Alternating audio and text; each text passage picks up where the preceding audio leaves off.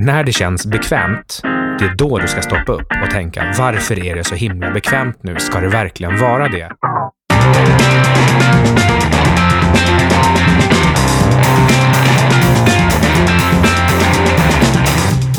Välkommen till 25 minuter.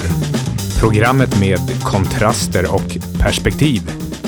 Jag heter Carl Mikael Syding och jag skriver artiklar på mikaelsyding.com. Med mig har jag Ludvig Sundström, författare till Breaking Out of Homeostasis. Och vi får säga det på engelska, för boken är på engelska. Eller hur Ludvig? Ja, boken är på engelska, trots att eh, mitt modersmål är svenska, även om många inte tror det. Men så är det. Dagens avsnitt handlar om konformism. Och vi kommer bland annat att prata om när man vill, kan eller bör anpassa sig till massan och när man kanske är för anpassad till massan. Vilket de flesta faktiskt är, skulle jag vilja inflika. Ja, det är väl det som är problemet. Ja, mm, det pratade vi mycket om i förra avsnittet, nummer fyra, om att vara motvalls. Ibland eh, kan det vara lite svårt det där med konformism. Till exempel när jag gick på Handelshögskolan så ville jag vara en vanlig människa, jag ville passa in. Till skillnad då från de eh, strebrar jag trodde att jag skulle träffa på Handels. Så jag klädde mig i Galne Gunnar-kläder. En, eh, ett lågprismärke, ett eh, extremt lågprismärke ska tillsägas, ska tilläggas. Och bland annat hade jag med mig en limpa till skolan ofta och en kniv i ena fickan. Det var väl innan det blev olagligt. Och en honungsburk i andra fickan. Det var en stor jacka och stora fickor. Och jag kunde på en eh, föreläsning eh, langa fram en Skogaholmslimpa, skära mig en, eh, en smörgås och bre honung på den och sätta mig och äta. Och man kan väl lugnt säga att jag misslyckades med att vara konform. Vi går in på när man bör anpassa sig till massan. Ludvig, har du några exempel? Ja, när ska man passa in? Greater Fool Fallacy. Eh, jag vet inte vad det heter på svenska, om det ens finns en översättning för det. Eh, Nej, det vet inte jag heller, men det låter som att det handlar om när man vill utnyttja en trend och springa med massan ett tag och sen hoppas man lassa över problemen på någon som är en lite större idiot och som springer lite mindre medvetet med massan. Mycket bra förklarat.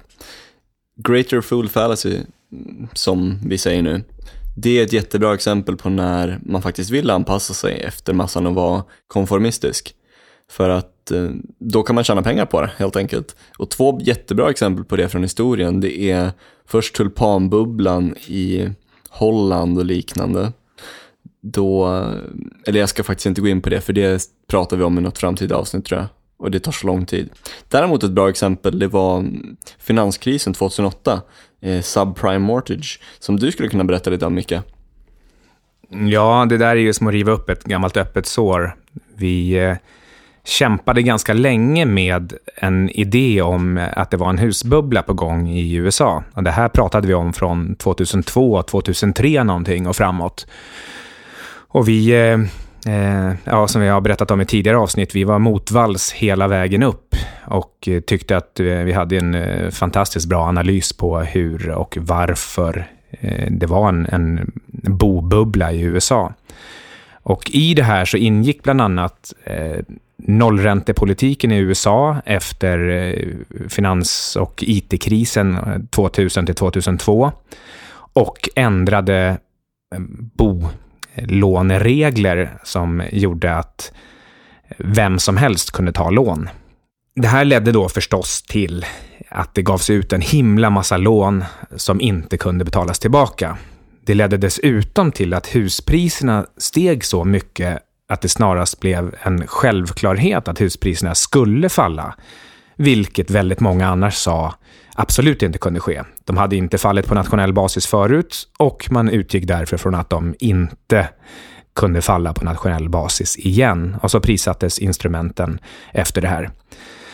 Och väldigt många investerare eh, sprang tillsammans som glada lämlar mot stupet. Eh, betalade höga priser för eh, konstiga derivat på de här ninjalånen och subprime-lånen. Som samtidigt ett 50-tal intelligenta och publika bedömare som finns dokumenterade. Alla sa, det här funkar inte. Ja, två tankar på det som jag kommer på nu, det är först och främst revisorerna och kreditinstituten, de ska ha lite um, smäll där. De, de gjorde fel, som gav AAA-rating, vilket var det högsta, till papper som du säger var, som var skräp. Och revisorerna som gick med på det, de ska också ha smäll där. Så och de, de lassade ju över allt ansvaret på någon stackars statistiker som sa att givet just de här parametrarna så är det här faktiskt ett AAA-instrument. Och så är det nästan i alla bubblor och uppgångar, att det är alltid de här jäkla revisorerna och inte nödvändigtvis kreditinstituten, men ofta ja, olika institut som har någonting att tjäna på det som sen bara avviker och ger skulden till någon annan så får en person skulden för det. En person ska minsann alltid ha skulden för att det ska vara så enkelt att förstå. För att massorna ska kunna fatta det. Poängen är att det är inte så att det var eh, småfjantar som jag som sa att det här självklart kommer spricka.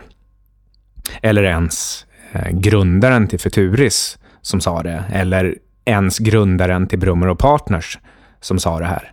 Vi sa det också allihop, vilket innebär att det fanns en väldig massa andra duktiga förvaltare som sa det här. Utan poängen är att det fanns ett 50-tal riktigt välkända personer med starkt tidigare track record eh, av både positiva och negativa investeringar som sa det här i lagom timing, det vill säga inte allt för tidigt och heller inte för sent.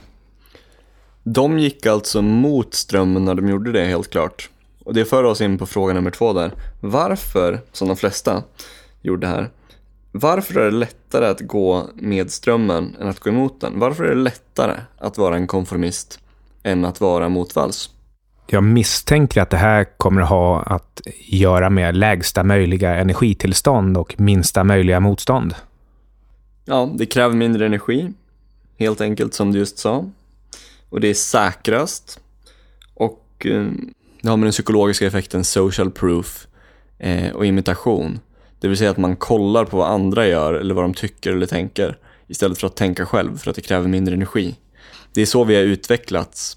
Jag skulle vilja säga utvecklats för att tänka, men man tänker ju faktiskt inte när man gör det. Utan man bara kollar och imiterar och använder inte hjärnan så mycket.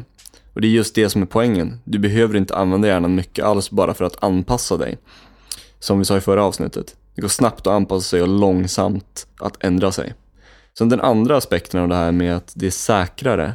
Om man tänker tillbaka på när vi, var, när vi levde i eh, ja, grottmänniskosamhällen, eh, grottmänniskomiljöer där, där det var stammar på mellan ett par tiotals personer på max ett par hundra. Då då ville man inte stå ut så mycket. Man ville verkligen vara konformistisk. Det var inte lönsamt att eh, vara väldigt oliktänkande i, i den miljön, för att då kunde du bli nedklubbad, vilket innebar att du dog. Och du ville absolut inte säga emot stamledaren, för han bestämde och han kunde döda dig. Så eh, det gäller, att, det gäller att passa in och det gäller att vara konformistisk. Och det gäller att tro och säga saker som man tror att andra gillar eller också kommer hålla med en om. Och så är vi helt enkelt inbyggda på att agera.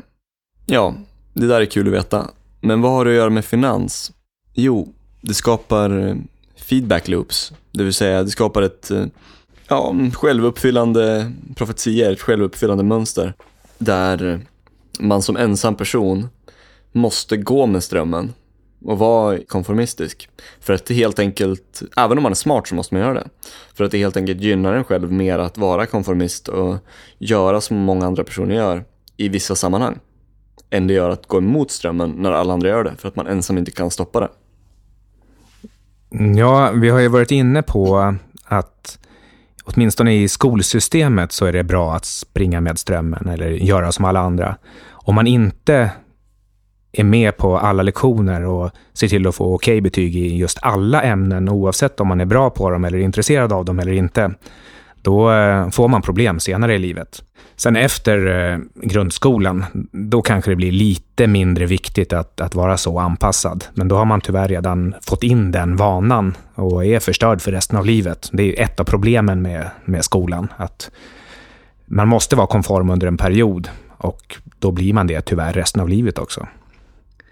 Och på eh, börsen så eh, finns ett liknande problem, nämligen att det det är bra och till och med ibland viktigt att springa med trenden. Trenden är din vän och momentum fungerar både på, eh, på kort sikt och på lång sikt. Men förr eller senare så tar, tar flocken dig för långt. Och det är då man plötsligt ska försöka bryta den här vanan och bryta den här mysiga gruppgemenskapen och ställa sig utanför ett tag. Men det är oerhört svårt. En fråga är när man är för anpassad till gruppen. Och jag som mänsklighetens försvarare tänker ofta på eh, livet i stort och eh, viktiga livsbeslut. Gör man som alla andra så blir man som alla andra. Det är omöjligt att, att vara riktigt lycklig om man hela tiden ska spela en roll och försöka anpassa sig till de runt omkring. Så eh,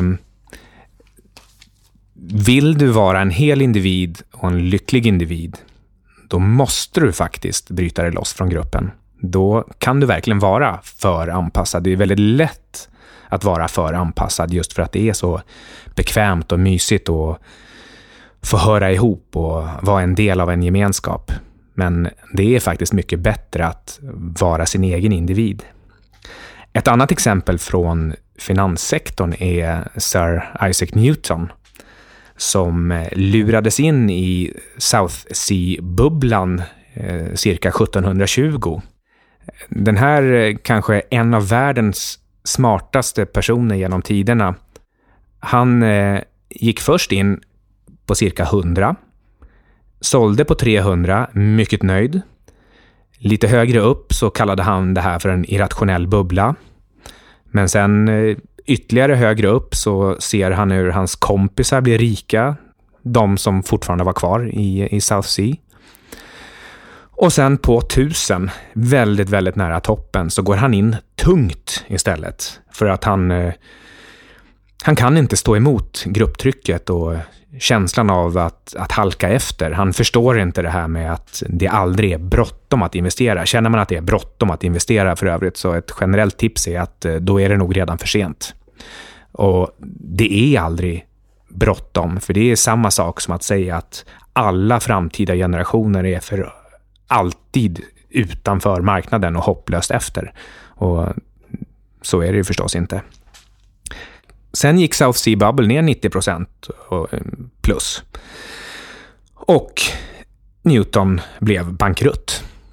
Så vi har världens smartaste människa som gör en bra investering tjänar 200 procent och sen rycks med av grupppsykologin och grupptänkande, eh, viljan till samhörighet och lyckas gå bankrutt. Trots att han själv synade den här bubblan och sa att eh, det var irrationellt. Och I det här sammanhanget så har vi veckans citat från eh, Newton själv.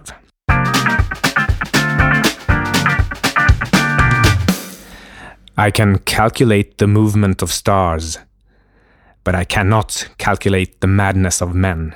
Och eh, ja, vi kommer osökt in på eh, veckans bok i samma sammanhang. Det handlar om den konforma apan. Boken heter Den nakna apan av Desmond Morris.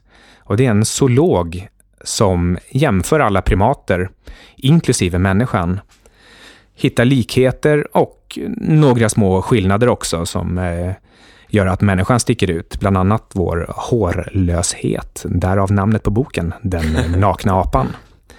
Men i övrigt så är vi eh, tydligen då nästan exakt likadana. 97 procent likadant DNA som schimpanser. Och eh, i eh, samklang med dagens ämne om konformism så handlar det här helt enkelt om att som primater och flockdjur så är vi programmerade att göra som alla andra, att springa i flock, att passa in. Och eh, det är det vi med det här avsnittet försöker hjälpa till att undvika i vissa viktiga sammanhang. Och det tar oss till veckans mindset. Vilket är att alla system blir utnyttjade tills de helt enkelt slutar fungera. Och eh, anledningen till att det är så, det är för att först har du någon person eller några personer som är ganska klipska och inser hur saker funkar helt enkelt och inser att man kan göra vinst på någonting. Sen, ja, av olika anledningar så inser massan och grupperna att det går att, här är en bevisad strategi för framgång eller att tjäna mycket pengar. Så börjar alla de härma det. Och när alla börjar göra samma sak, till exempel kanske eh, att investera i indexfonder, eh, lite sidospår där, men intressant. När alla gör samma sak, då slutar det oftast att fungera. När några få personer gör det, då funkar det bra.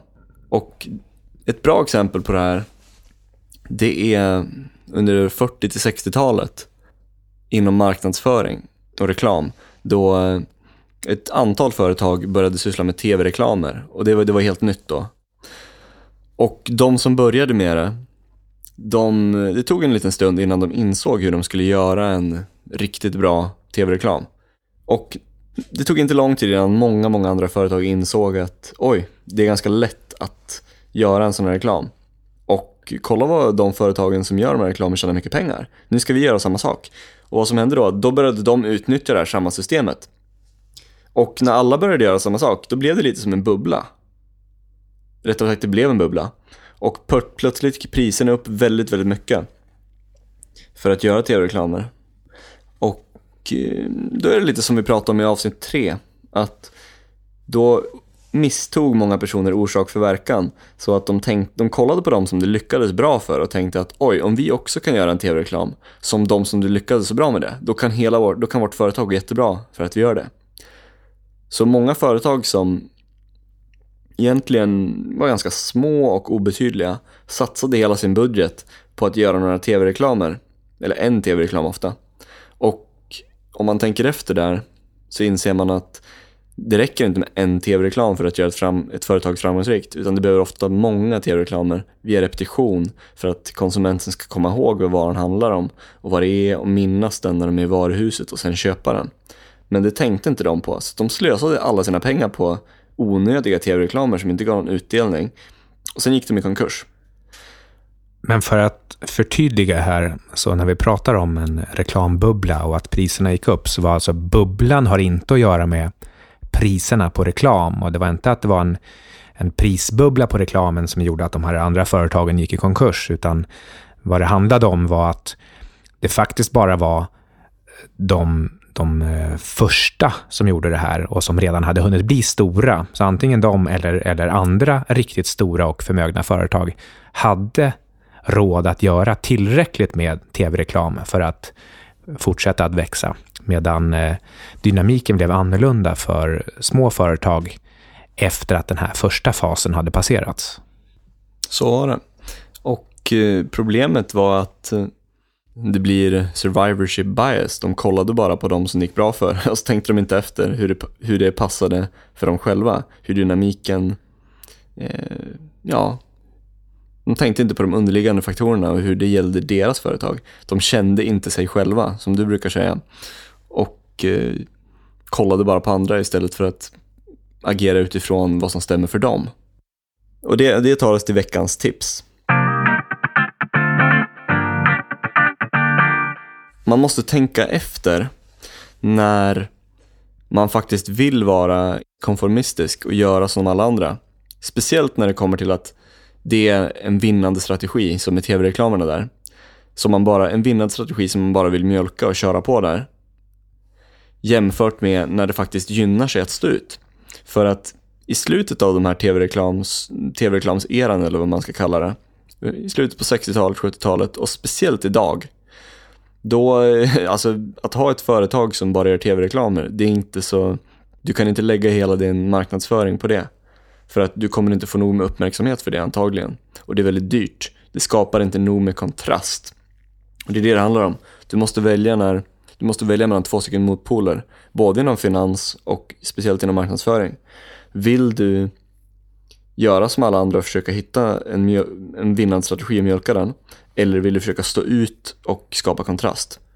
Nu kanske inte du som lyssnar tänker att du ska driva Procter Gamble och fundera på just de här teorierna, men du kan fundera på det här i dina privata placeringar på börsen eller vem du vill vara i, i klassen eller där du jobbar.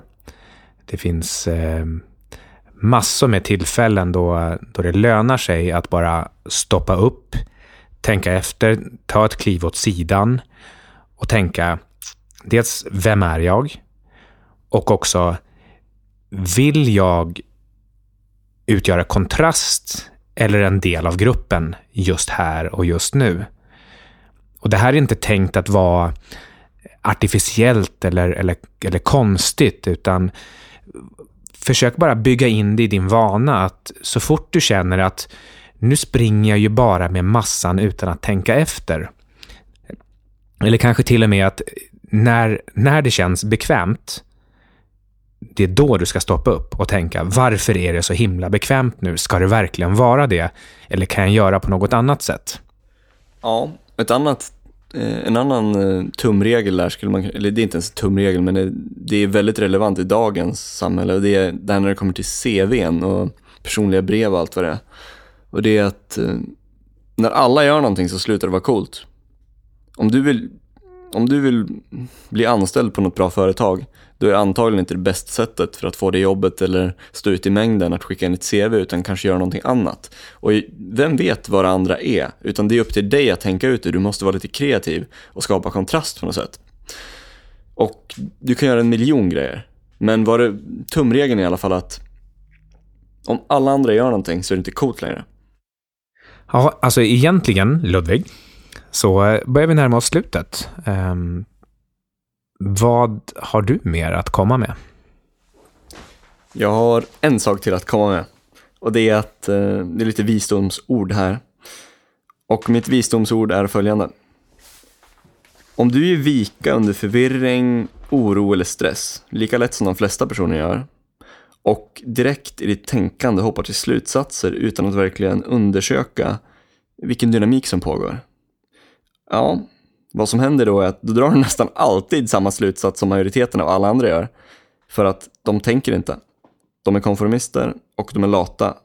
Och anledningen till det är som vi sa tidigare att det är minsta motståndets väg helt enkelt. Så om du inte tänker och bara direkt hoppar till en slutsats, då kommer du hamna där alla andra hamnar. Och då har du antagligen fel. Ja, då närmar vi oss sammanfattningen här och eh, vi har pratat om konformism. Vi har pratat om när man vill, kan eller bör vara konform utan eh, att straffas för det. Det gäller bland annat när det finns en extrem nedsida med att avvika eller ingen uppsida med att avvika. Vi har pratat om varför människan gärna vill vara konform och det har med flockbeteende att göra. Vi har pratat om när man är för konform.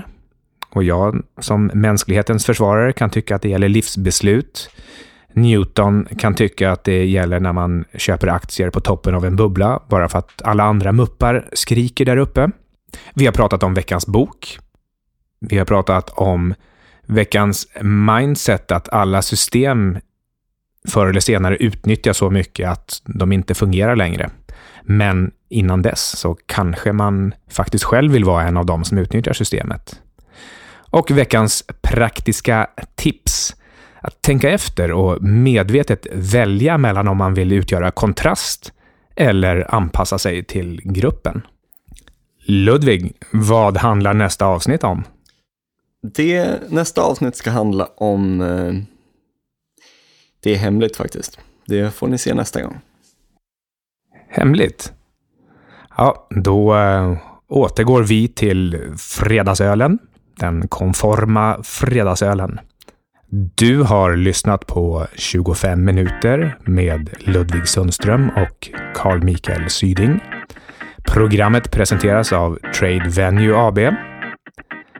Glöm inte att dela det här med en kompis, att prenumerera och gärna betygsätta oss på iTunes. Tack och hej!